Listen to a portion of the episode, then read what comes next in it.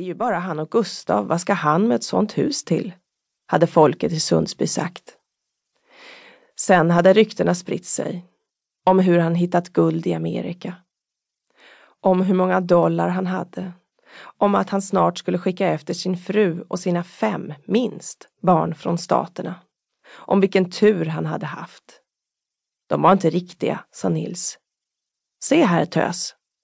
Han sträckte fram sina händer mot mig med handflatorna uppåt.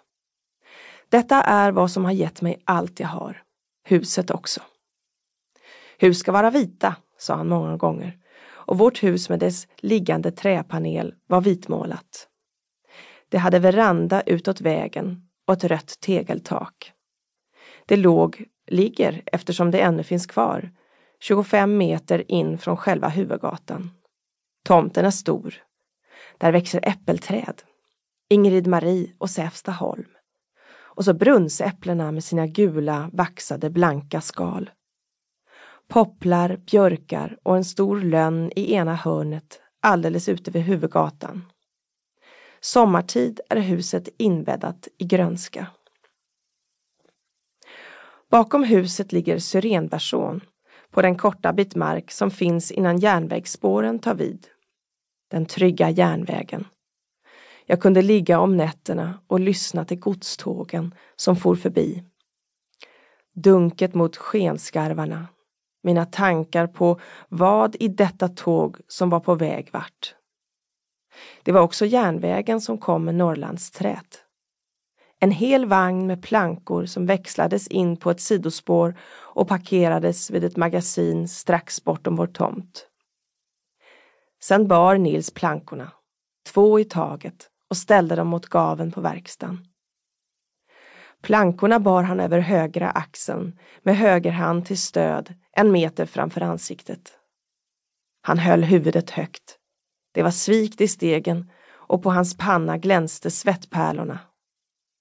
Han var klädd i sitt blåställ och under det en rutig skjorta, också den blå. Ärmarna var uppkavlade så att de seniga armarna med fräknar och brynta av solen till en slags garvad rödfnasighet kunde demonstrera styrkan. När så en tillräcklig mängd plankor stod där mot väggen klättrade han upp på verkstadsvinden och öppnade luckan under taknocken. Sen lassade han in plankorna och staplade dem omsorgsfullt där uppe, med ribb mellan varje lager för att få cirkulation. För ett barn såg han inte gammal ut, bara stark. Rak rygg. Ett blont hår som vägrade grånas. Ett ansikte med rynkor visserligen, men inte sådana rynkor som faller slappt utan sådana rynkor, sådana sprickor som blir när man ristar i en klippa. Själva smedjan låg ute vid gatan och infartsvägen ner till huset fanns mellan den och lönnen längst ut i högra hörnet. Nils hade rustat upp smedjan, lagt på nytt tak och röjt ur all gammal bråte. Sen köpte han verktyg och maskiner. Han öppnade snickeri. Be brave girl. Det var på sommaren, på lördagskvällarna från maj till augusti. Syrenversion, kaffegök, historier. Han berättade åtskilligt för mig, sånt jag trodde jag egentligen hade glömt bort. Men nu sen jag kom till Council Bluffs, framförallt sen jag satt igång och läsa de gamla tidningarna, så startade en märklig process hos mig. Jag började minnas. Mer och mer för varje dag kom jag ihåg vad han hade sagt när han satt där i den träribbade soffan. Trädgårdsbordet var också av trä med glest sittande ribbor.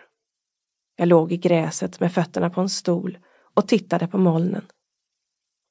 Han bar fortfarande blåstället, la hammaren på bordet.